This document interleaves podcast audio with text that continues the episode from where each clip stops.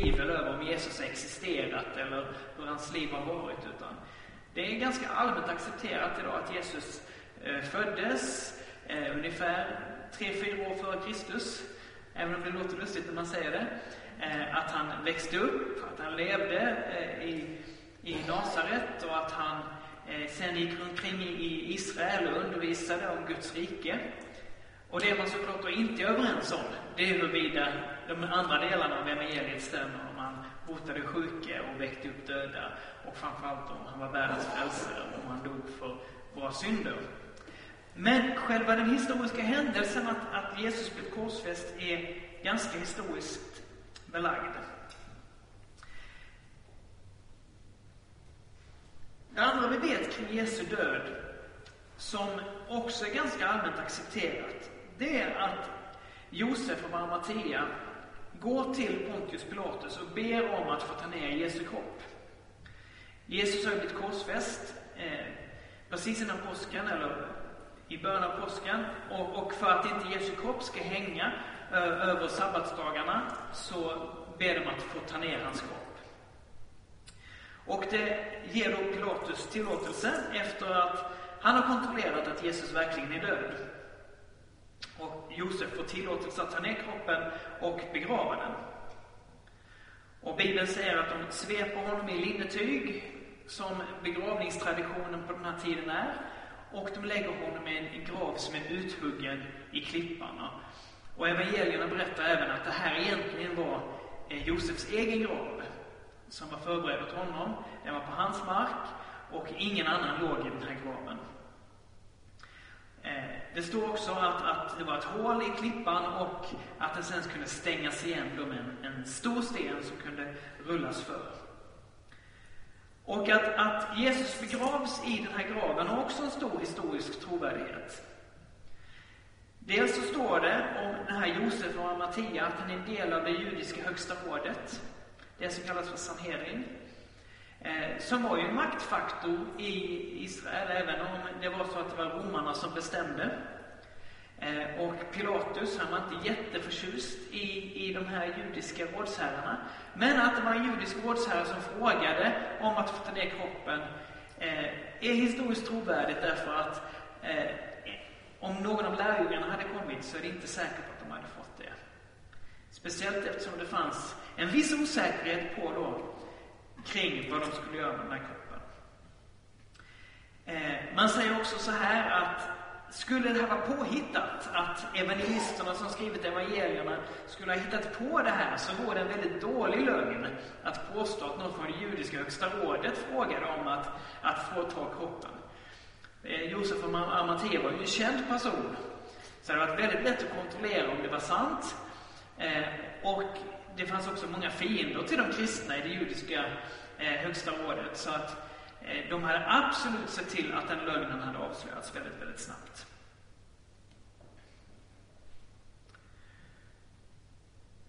Eftersom det var inledningen på den här sabbaten, inledningen på, på, på påsken här, så eh, hann ju inte eh, de här eh, personerna, Josef Nikodemus att, att förbereda kroppen som begravningsritualerna sa att man skulle göra. En del av begravningen på den här tiden var ju bland annat att man skulle linda in kroppen i linnetyg och använda en mängd eh, välluktande kryddor och oljor som man eh, lindade kring kroppen. Och där hinner man inte med och det är ju därför vi eh, i bibelberättelsen också får just den här berättelsen av att, att på morgonen på den tredje dagen så kommer kvinnorna till graven för att smörja Jesu kropp med, med kryddor och olja. För att man inte hunnit med det innan. Vad har det då för betydelse för vår tro på uppståndelsen att Jesus dog och att han begravdes just i Josef och Arimatheas grav? Ja, man kan säga så här att en av de här protesterna eller argumenten mot uppståndelsen, det är just att kvinnorna som sedan kommer att upptäcka den tomma graven, egentligen missuppfattade var Jesus var begravd någonstans. Att man, de, de visste inte var han var begravd. Eh, det hade kunnat vara ett bra argument. Vanliga brottslingar nämligen, de slängde sin massgrav Eh, och det hade kanske varit nästan omöjligt att, att fullt ut avgöra om, om Jesus låg i den här massgraven eller inte. Men nu är det inte så, utan nu eh, har vi starka historiska belägg för att Jesus begravdes i Josef och Arimateas grav, en känd persons grav, en person som hade mark som alla visste var den låg. Eh, och därför väldigt, väldigt lätt att kontrollera om det stämmer att det ligger någon i den här graven. Det fanns flera vittnen till att Jesus begravdes där. Både kvinnor ifrån, som hade följt Jesus, eh, men om vi läser Matteus evangeliet så fanns det också soldater som skulle vakta graven, eller det står till och med att, att de satt ett sigill på graven. Så det finns mängd vittnen på att Jesus faktiskt var begravd i just den graven.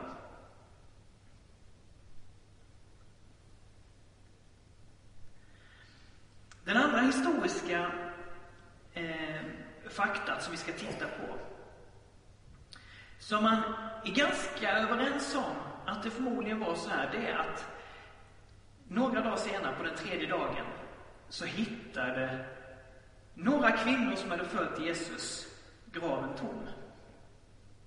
Denna grav som hade varit förseglad och hade en stor sten framför. När kvinnorna kommer dit så märker de att stenen är bortrullad och när de tittar in så är graven tom. Och Bibeln säger att, att, att en ängel finns vid graven och säger varför söker ni den levande bland de döda? Jesus har uppstått. Johannes evangeliet beskriver att, att när de får höra detta så springer Petrus och Johannes till graven.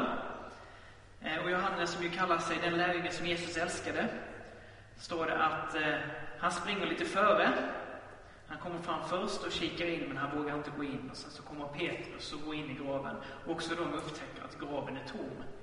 Och de hittar då de här linnebindlarna som Jesus har varit inlindad i, liggandes precis på samma sätt som när kroppen låg där. Eh, men huvudduken är bortplockad och ihopvikt vid sidan om. Och då står det att, att Johannes såg detta och då började han tro på det som Jesus tidigare hade sagt, att han skulle uppstått. Matteus evangelium beskriver att de första som upptäckte den tomma graven var just de här vakterna. De här vakterna som hade varit utsända för att vakta så att lärjungarna inte skulle stjäla Jesu kropp och sen påstå att han hade uppstått från de döda. Eh, och de här Vakterna enligt Matteusevangeliet sprang ju då till de judiska auktoriteten och sa att graven är tom, Jesus är borta. Och de fick då pengar för att börja sprida ett rykte bland judarna att lärjungarna hade kommit om natten när vakterna sov och att de hade stulit kroppen. Och så säger Matteus evangeliet att det är detta rykte som florerar bland judarna än idag. Och det är ju ganska intressant.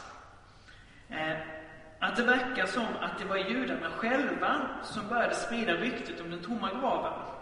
Det var inte lärjungarna. Lärjungarna vid den här tidpunkten, efter Jesu död, var ganska fega. Och vi, vi märker egentligen ingenting av lärjungarna egentligen förrän på pingstdagen, när Petrus, eh, som har blivit beklädd med kraft från höjden, går ut och håller eh, den berömda predikan i Apostlagärningarna 2. Innan dess är det en tillbakadragen grupp som, som inte gör mycket väsen av sig. Men tydligen så verkar det judarna själva tycka att det här var en så eh, svår grej att de började sprida ett rykte, liksom för att vara på den säkra sidan.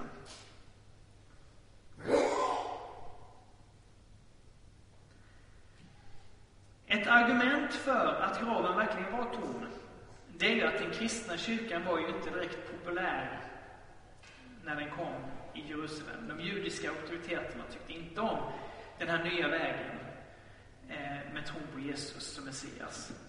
Och hade det varit så att Jesus låg kvar i graven, att den inte var tom, så hade det varit väldigt enkelt för de judiska myndigheterna att faktiskt visa kroppen och en gång för alla avslöja de här kristnas myt om att deras messiasgestalt hade uppstått. En apologet som heter John Lennox, han skriver dessutom att att man idag vet att kring tiden för Jesu död och uppståndelse så var det faktiskt dödsstraff på att, att eh, bryta sig in och råna gravar. Och han säger, ett starkt argument för att de judiska myndigheterna visste att det här var ett påhittat rykte, det var just det att de inte arresterade lärjungarna misstänkta för att ha brutit sig in och fört bort kroppen, vilket då hade varit ett bra skäl att faktiskt göra så med Jesu efterföljare.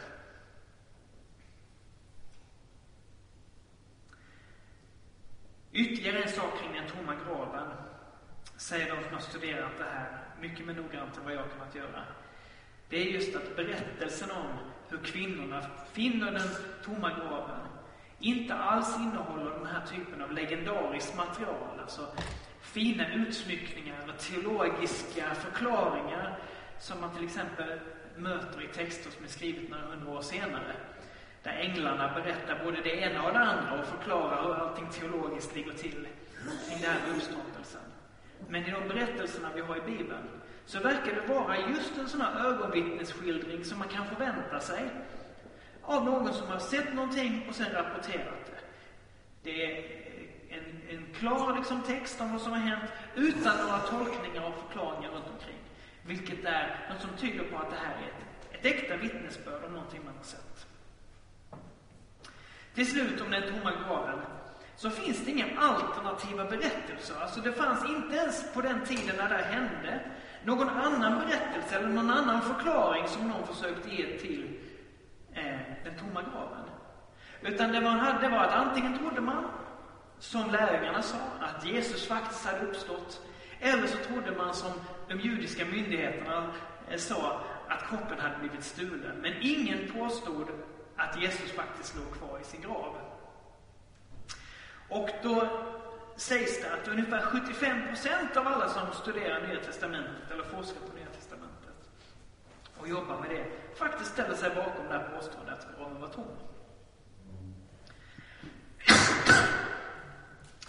Så vi har historiskt på fötterna både att Jesus dog och att hans grav var tom.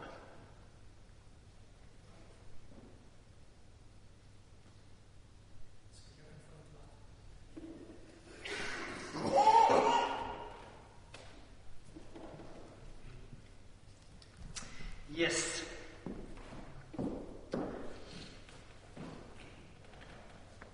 Det tredje vi ska titta på det är att Jesus visades för sina efterföljare. Det hade varit en lite dråplig historia om det hade bara slutat med att lärjungarna hittade en tom grav.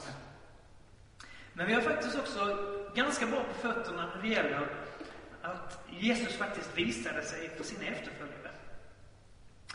Berättelserna som vi möter i evangelierna har en stor historisk trovärdighet just när det gäller de här mötena med den uppståndne Jesus. En av de här sakerna som man brukar ta upp, det är att evangelierna beskriver att det var kvinnor som upptäckte den tomma graven och det var också kvinnor som mötte den uppståndne Jesus först. Och för oss idag så tänker vi att det är väl ingenting konstigt med det. Men i det judiska samhället på den här tiden så hade eh, kvinnor ingen trovärdighet när det gällde sådana saker. De ansågs inte vara trovärdiga vittnen, de fick inte vittna i en rättegång eh, om det hade begåtts ett brott och bara kvinnor var närvarande så, så kunde man inte fälla någon utan de ansågs helt enkelt inte alls trovärdiga. Eh, och, och, därför säger man så här att skulle lärjungarna eller evangelisterna hittat på den här berättelsen så är det det sämsta man kan göra att säga att kvinnorna var de som hade sett den uppståndne Jesus. Eh, väldigt, väldigt dåligt sätt att göra det på. Så att just att den historiska beskrivningen är att det är kvinnor som ser Jesus gör att vi i efterhand kan säga att det här är förmodligen historiskt riktigt, eh, annars skulle man inte skrivit så här. Vi kan se en annan aspekt på det och det är när vi just kommer in i första Korinthierbrevet 15 som vi har läst ifrån. När Paulus ska argumentera för att uppståndelsen har skett. Då kan man lägga märke till att Paulus nämner ingenting om att kvinnorna har sett Jesus. Utan nämner Kefas och de tolv apostlarna. Eh, han nämner 500 vittnen, vilket säkerligen alla var män. men nämner inget om kvinnorna. Och varför gör han inte det? Jo, därför att i själva argumentationen, om det här är sant eller inte, så har kvinnornas röst ingen bäring. Men när evangelisterna beskriver vad som faktiskt hände, så beskriver de att det var kvinnor som först mötte den uppståndne Jesus.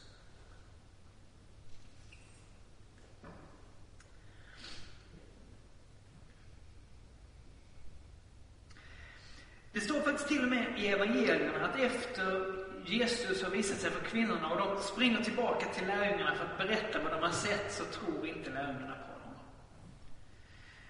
utan egentligen först efter det att, att Petrus och Johannes har varit vid graven och efter att de två eh, vandrarna som var på väg till Efesus, eller förlåt, Emmaus, kommer tillbaka och berättar om sitt möte med Jesus. Så de börjar fundera, kan det här verkligen vara sant? Och sen beskrivs det i Lukas evangeliet om hur Jesus plötsligt står bland lärjungarna där de är samlade. Och han visar dem sina händer och han visar dem såret i sin sida. Eh, och säger att se på mig, ta på mig, det är ingen ande ni ser här. Och det står till och med att han äter en bit fisk för att visa att han är uppstånden och inte bara en, en ande. Och sen som sagt då i första Korinthierbrevet 15 eh, så talar då Paulus om ytterligare ungefär 500 vittnen, vilka fortfarande lever idag. En hel del av dem i alla fall, säger Paulus. Vilket betyder alltså att Paulus är så övertygad om att, att det finns så många vittnen till att Jesus faktiskt uppstod, att han med säkerhet kan nämna dem och att det går att kontakta dem och fråga dem. Ibland kan vi vara lite sådär eh, eh, jag vet inte vad man ska hitta för ett ord, men tidsrasister. Att man tänker att folk på Jesu tid, de var nog inte så smarta, eller de kunde nog aldrig kolla någonting. Men det är klart de kunde göra det. Fakta gick alldeles utmärkt att kolla även på Jesu tid, om någon påstod någonting. Det gick både att skicka brev eller att, att åka och hälsa på någon och fråga vad som egentligen hände. Och det är ju precis det som också Bibeln säger att, att evangelisten Lukas gjorde när han skrev sitt evangelium. Faktiskt reste och pratade med de här ögonvittnena om vad de hade sett och hört. Kan det då inte vara påhittat allt det här? Kan man ju fråga. Och det finns ju självklart de som har påstått det. Eh, då säger forskarna så här att det är alldeles för kort tid för att en sån här legend ska kunna uppstå om Jesu uppståndelse. Eller att de skulle ha sett den uppståndne Jesus. För att legender ska kunna bildas så behövs det lång tid så att de som från början såg det här inte finns kvar längre. Då kan en legend skapas eh, när de fantastiska berättelserna eh, har slått rot och de verkliga ögonvittnesskildringarna glöms bort. Och det händer ju, men inte på den korta tiden som vi har mellan Jesu död och uppståndelse och tills vi har skriftliga källor på att det hände. Dessutom så är de här vittnena vi har, de är samstämmiga. Det vill säga att, att vi har flera stycken som talar om att de har mött den uppståndne Jesus eh, från flera källor. Eh, och vi hinner inte gå in på det idag, men man menar ju att de olika evangelierna de har olika traditioner och källor som de bygger på när de skrivs. Men vi har olika källor som, som ger samma vittnesbörd. Inte identiska, för det ska man ju alltid vara väldigt misstänksam om. Om två vittnen ger helt identiska vittnesmål, då vet man att då har de pratat ihop sig och då är det förmodligen inte sant. Men de har samma eh, vittnesmål om vad de har sett utan att de är exakta. Och det gör att det är väldigt, väldigt historiskt trovärdigt.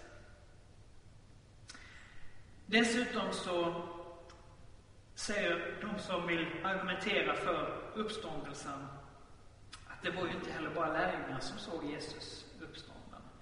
Och man brukar ta upp Saul av Tarsus, alltså den som, han blev Paulus, som det stora exemplet på faktiskt någon som inte alls trodde på Jesus överhuvudtaget. Tvärtom. Men i mötet med den uppståndne Jesus blev en troende på grund av den här upplevelsen.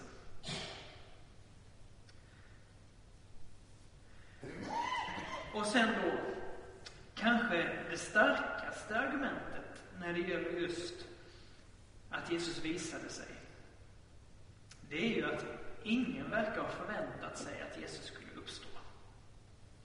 Man kan ju tänka sig att i en situation där man är väldigt upprörd och ledsen för att ens mästare har dött, att man skulle ha en sådan längtan, att man på något sätt skulle ha fått för sig att det man längtade efter så mycket faktiskt hade hänt. Problemet med det är ju att ingen verkar ha förväntat sig att Jesus skulle uppstå. Lärjungarna, de tvivlar på kvinnornas rapport när de kommer tillbaka och säger att graven är tom. Han har uppstått. Och inte förrän de själva ser Jesus så vågar lärjungarna tro. Vi har till och med exempel då på, ifrån Bibeln att, att Thomas, som inte var där bland de andra lärjungarna, han tror inte ens på de andra tio när de berättar att Jesus faktiskt var här. Och säger istället att om jag inte ser honom själv, om jag inte får känna i hålen i händerna, om jag inte får sticka handen i hans sida, då kan jag inte tro.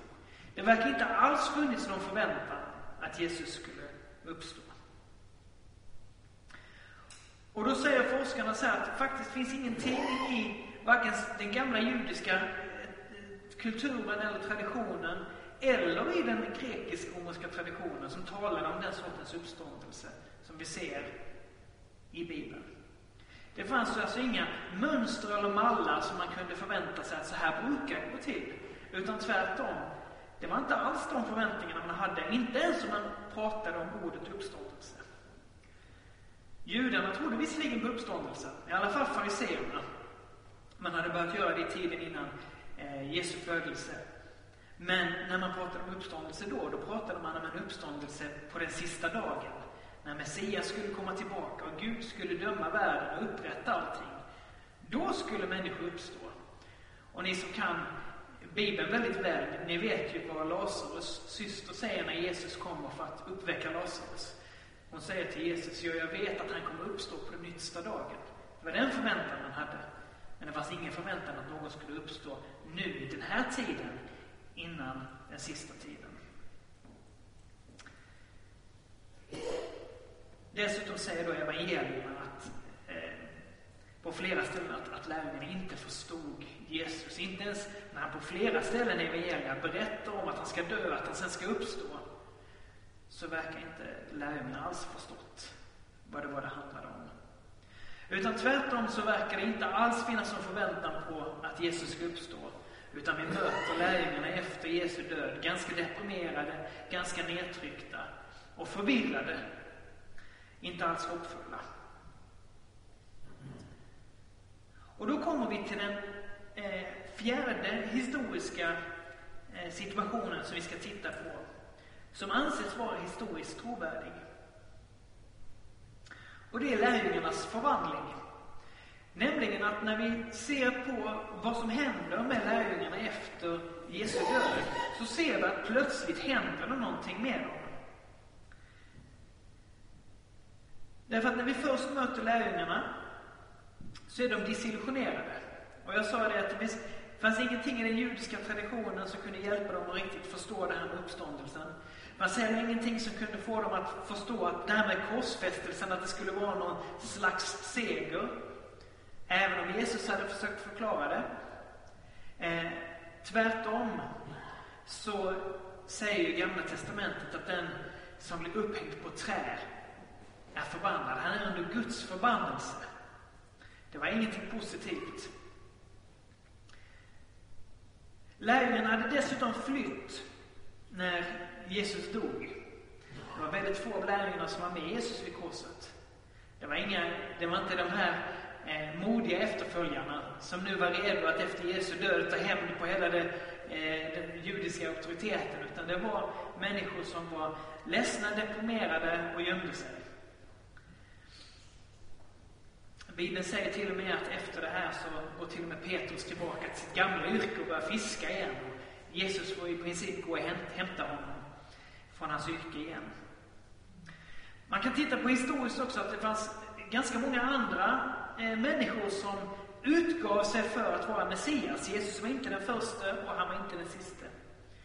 Och i Bibeln själv så får vi två namn i Apostlärningarna eh, på människor som eh, hade utgett sig för att vara eh, Messias, Thaddeus och Judas, som fick efterföljare, eh, drog omkring i Israel och sedan blev tillfångatagna och så blev den här personen dödad och sen efter ett tag så försvinner hela den här grupperingen. Och det finns även andra historiska dokument som beskriver just sådana här messiasgestalter och rörelser som uppstår och efter mästarens död försvinner undan. Och tittar man precis efter Jesu död så verkar det som att det ödet kommer nog förmodligen möta även de här första kristna.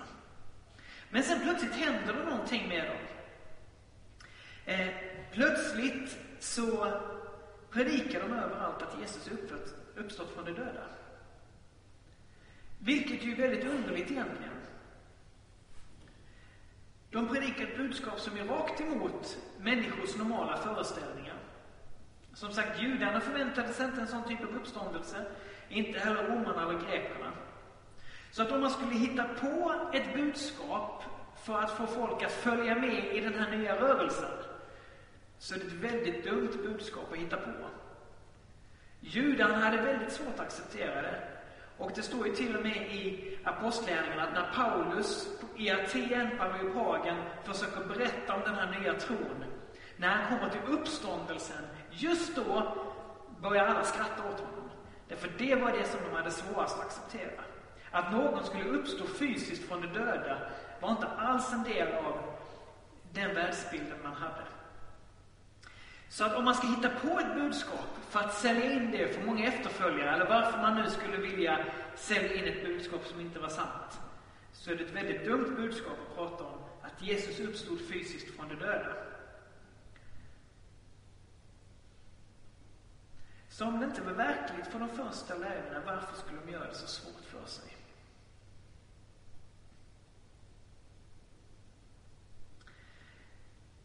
Tiden går fort och vi ska gå framåt lite fortare. Och vi kan bara säga till sist här kring just den här händelsen att någonting hände med de här lärjungarna som fick dem från att vara den här lilla desillusionerade gruppen till att bli missionärer som gick ut i hela det romerska riket. Villiga att dö för sin tro. Villiga att dö för den tron man predikade som mycket, säger teologerna, centrerades kring just budskapet om att Jesus hade uppstått. Det är inte historiskt trovärdigt att de skulle ha levt i en lögn och varit beredda att dö för en lögn. Utan tvärtom så tror faktiskt de flesta historiker idag på att lärjungarna i alla fall själva trodde att de hade mött den uppstående Jesus.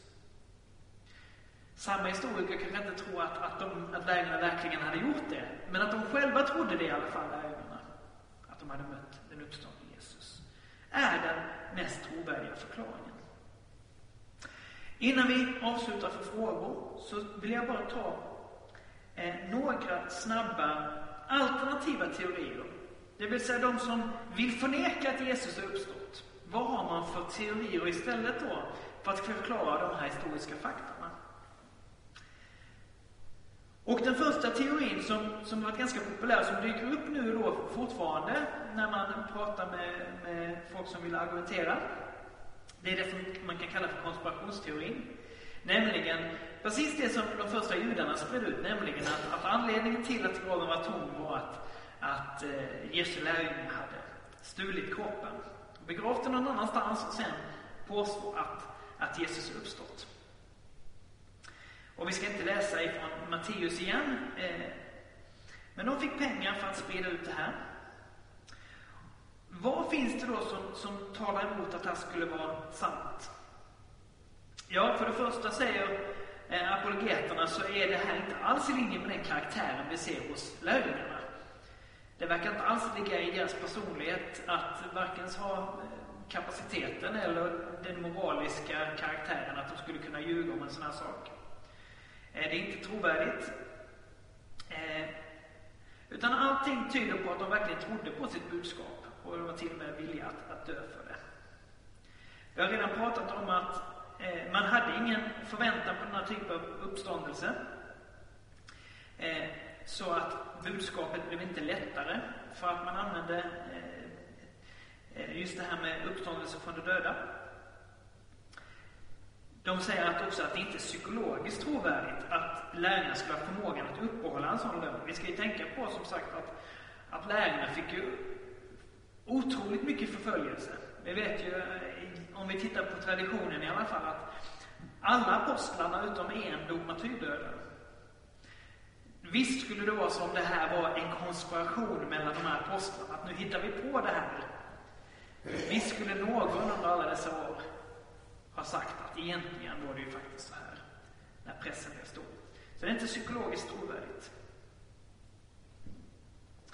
Och faktum är att idag så är det faktiskt ingen seriös historiker som, som tror på den här konspirationsteorin längre. Den anses inte alls vara historiskt trovärdig. En annan teori eh, det är att Jesus inte dog på riktigt. Den här hade man på 1800-talet och en bit framåt. Eh, och ni har kanske hört den också. Påståendet om att Jesus var inte riktigt död när man tog ner honom från korset. Eh, utan han var bara skendöd och när man la honom i den svala graven så piggnade han till efter ett tag. Och eh, på tredje dagen så hade han lyckats liksom ta sig ur alla linnebindlarna och lyckats ta sig förbi stenen och, och vakterna och ta sig till lärjungarna och övertygat dem om att han hade uppstått från de döda. Fast egentligen var han aldrig död överhuvudtaget. Och det finns mycket som talar emot den teorin som vi ska titta på. Eh, det första och kanske det viktigaste är att det är i princip omöjligt att överleva det som Jesus var med om. När man studerat historiskt, vad är det Jesus egentligen är med om de här dagarna? Och där han först blir piskad. Men den här romerska piskan med benbitar och metallbitar som fullständigt sliter sönder en människas kropp och som i många fall faktiskt dödade fången till och med innan korsfästelsen. Eh, och vi vet ju genom bibeltexten att, att Jesus faktiskt inte ens orkade bära korset hela vägen själv utan var tvungen att ha hjälp att bära korset till, till Golgata för att han var så sönderslagen. Korsfästelsen i sig själv är ju såklart dödlig. Det var ju det som var syftet med korsfästelsen. Och det finns beskrivningar till och med på hur eh, folk som har ansetts vara oskyldiga efter de har korsfäst, som bara efter att ha varit korsfäst ett litet tag blev nedtagna från korsen, men ändå sedan dog av sina skador. Därför att korsfästelsen i sig själv var så allvarlig. Sen beskriver Bibeln också hur en romersk soldat sticker Jesus i sidan, man tror han stack honom upp i hjärtat, för att verkligen kontrollera att han var död. Och de här romerska soldaterna var ju experter på att döda, kunde absolut se skillnad på någon som var död och någon som inte var död. Och till slut så kontrollerades kroppen igen, enligt Bibeln, eh, när Josef och Amatia bad att få Jesu kropp för att begrava den. Därför Pontius Pilatus var noga med att Jesus skulle vara död. Så att det verkar väldigt otroligt att, att Jesus inte skulle vara död när han lades i graven. Det andra som talar emot det här, det är ju att en halvdöd Jesus vittnar inte sådär jättemycket om uppståndelse. Det är väl en sak, om vi nu mot förmodan, den här Jesus som har blivit piskad och han har blivit korsfäst och han läggs i graven och han vaknar till, inlindad hårt i linnebindlar och han lyckas ta sig ut hela vägen. Då är han ju så sjuk att, att han behöver desperat läkarvård. Om han har lyckats överleva så här långt. Och denna Jesus som dyker upp hos lärjungarna skulle knappast kunnat övertyga dem om, i sitt tillstånd, att jag har besegrat döden. Förresten, har ni någon läkare här? Nej. Det är inte alls den bilden vi får. Utan bilden vi får, det är ju att den Jesus som lärjungarna möter är en Jesus full med kraft. Till och med mer full med kraft än den Jesus de mötte när han gick omkring med dem innan korsfästelsen. Det var ingen halvdöd Jesus. Eh, och faktum är att idag är det i princip ingen som håller sig till den här teorin heller, utan seriösa forskare har övergett den här teorin. Och den sista och tredje teorin som man har föreslagit som ett alternativ, det är att allting skulle vara en hallucination. Teorin att lärjungarna i sin längtan efter att det här skulle vara sant hallucinerade, att de såg bilder framför sig som de trodde var Jesus, men egentligen bara var eh, hallucinationer. Den var ganska populär i början av 1900-talet, den här teorin. Och det finns enstaka Nya Testamentet-forskare som fortfarande håller sig till den här. Men det finns goda skäl till att förkasta även denna teori. Eh, för det första så är det inte troligt att lärarna hade hallucinationer därför att hallucinationer vet vi idag är nästan alltid kopplade till psykisk sjukdom eller till drogmissbruk eller till långa perioder utan mat och dryck. Då får man hallucinationer. Men det finns ingenting som tyder på att någonting av det här stämde överens med lärjungarna. Det andra är att hallucinationer bygger på vad som finns i en människas eget huvud. Man projicerar någonting som man har där inne.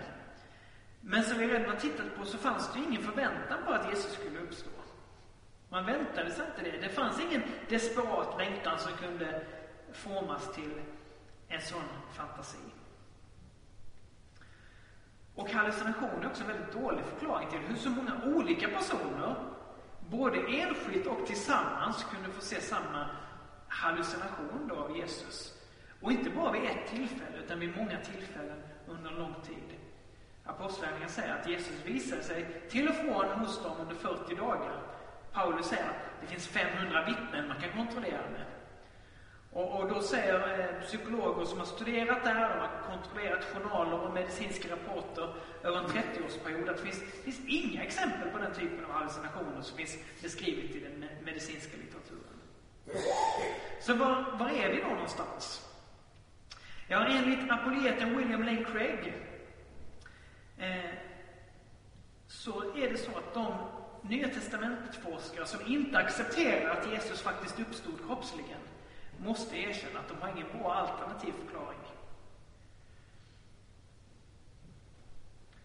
Och då säger han, och jag håller med honom, att om man inte från början liksom säger att det är omöjligt att de döda kan uppstå, om man inte från början utesluter att det kan ske ett mirakel, då pekar faktiskt alla de historiska fakta som vi vet, så långt man nu kan veta, är sanna.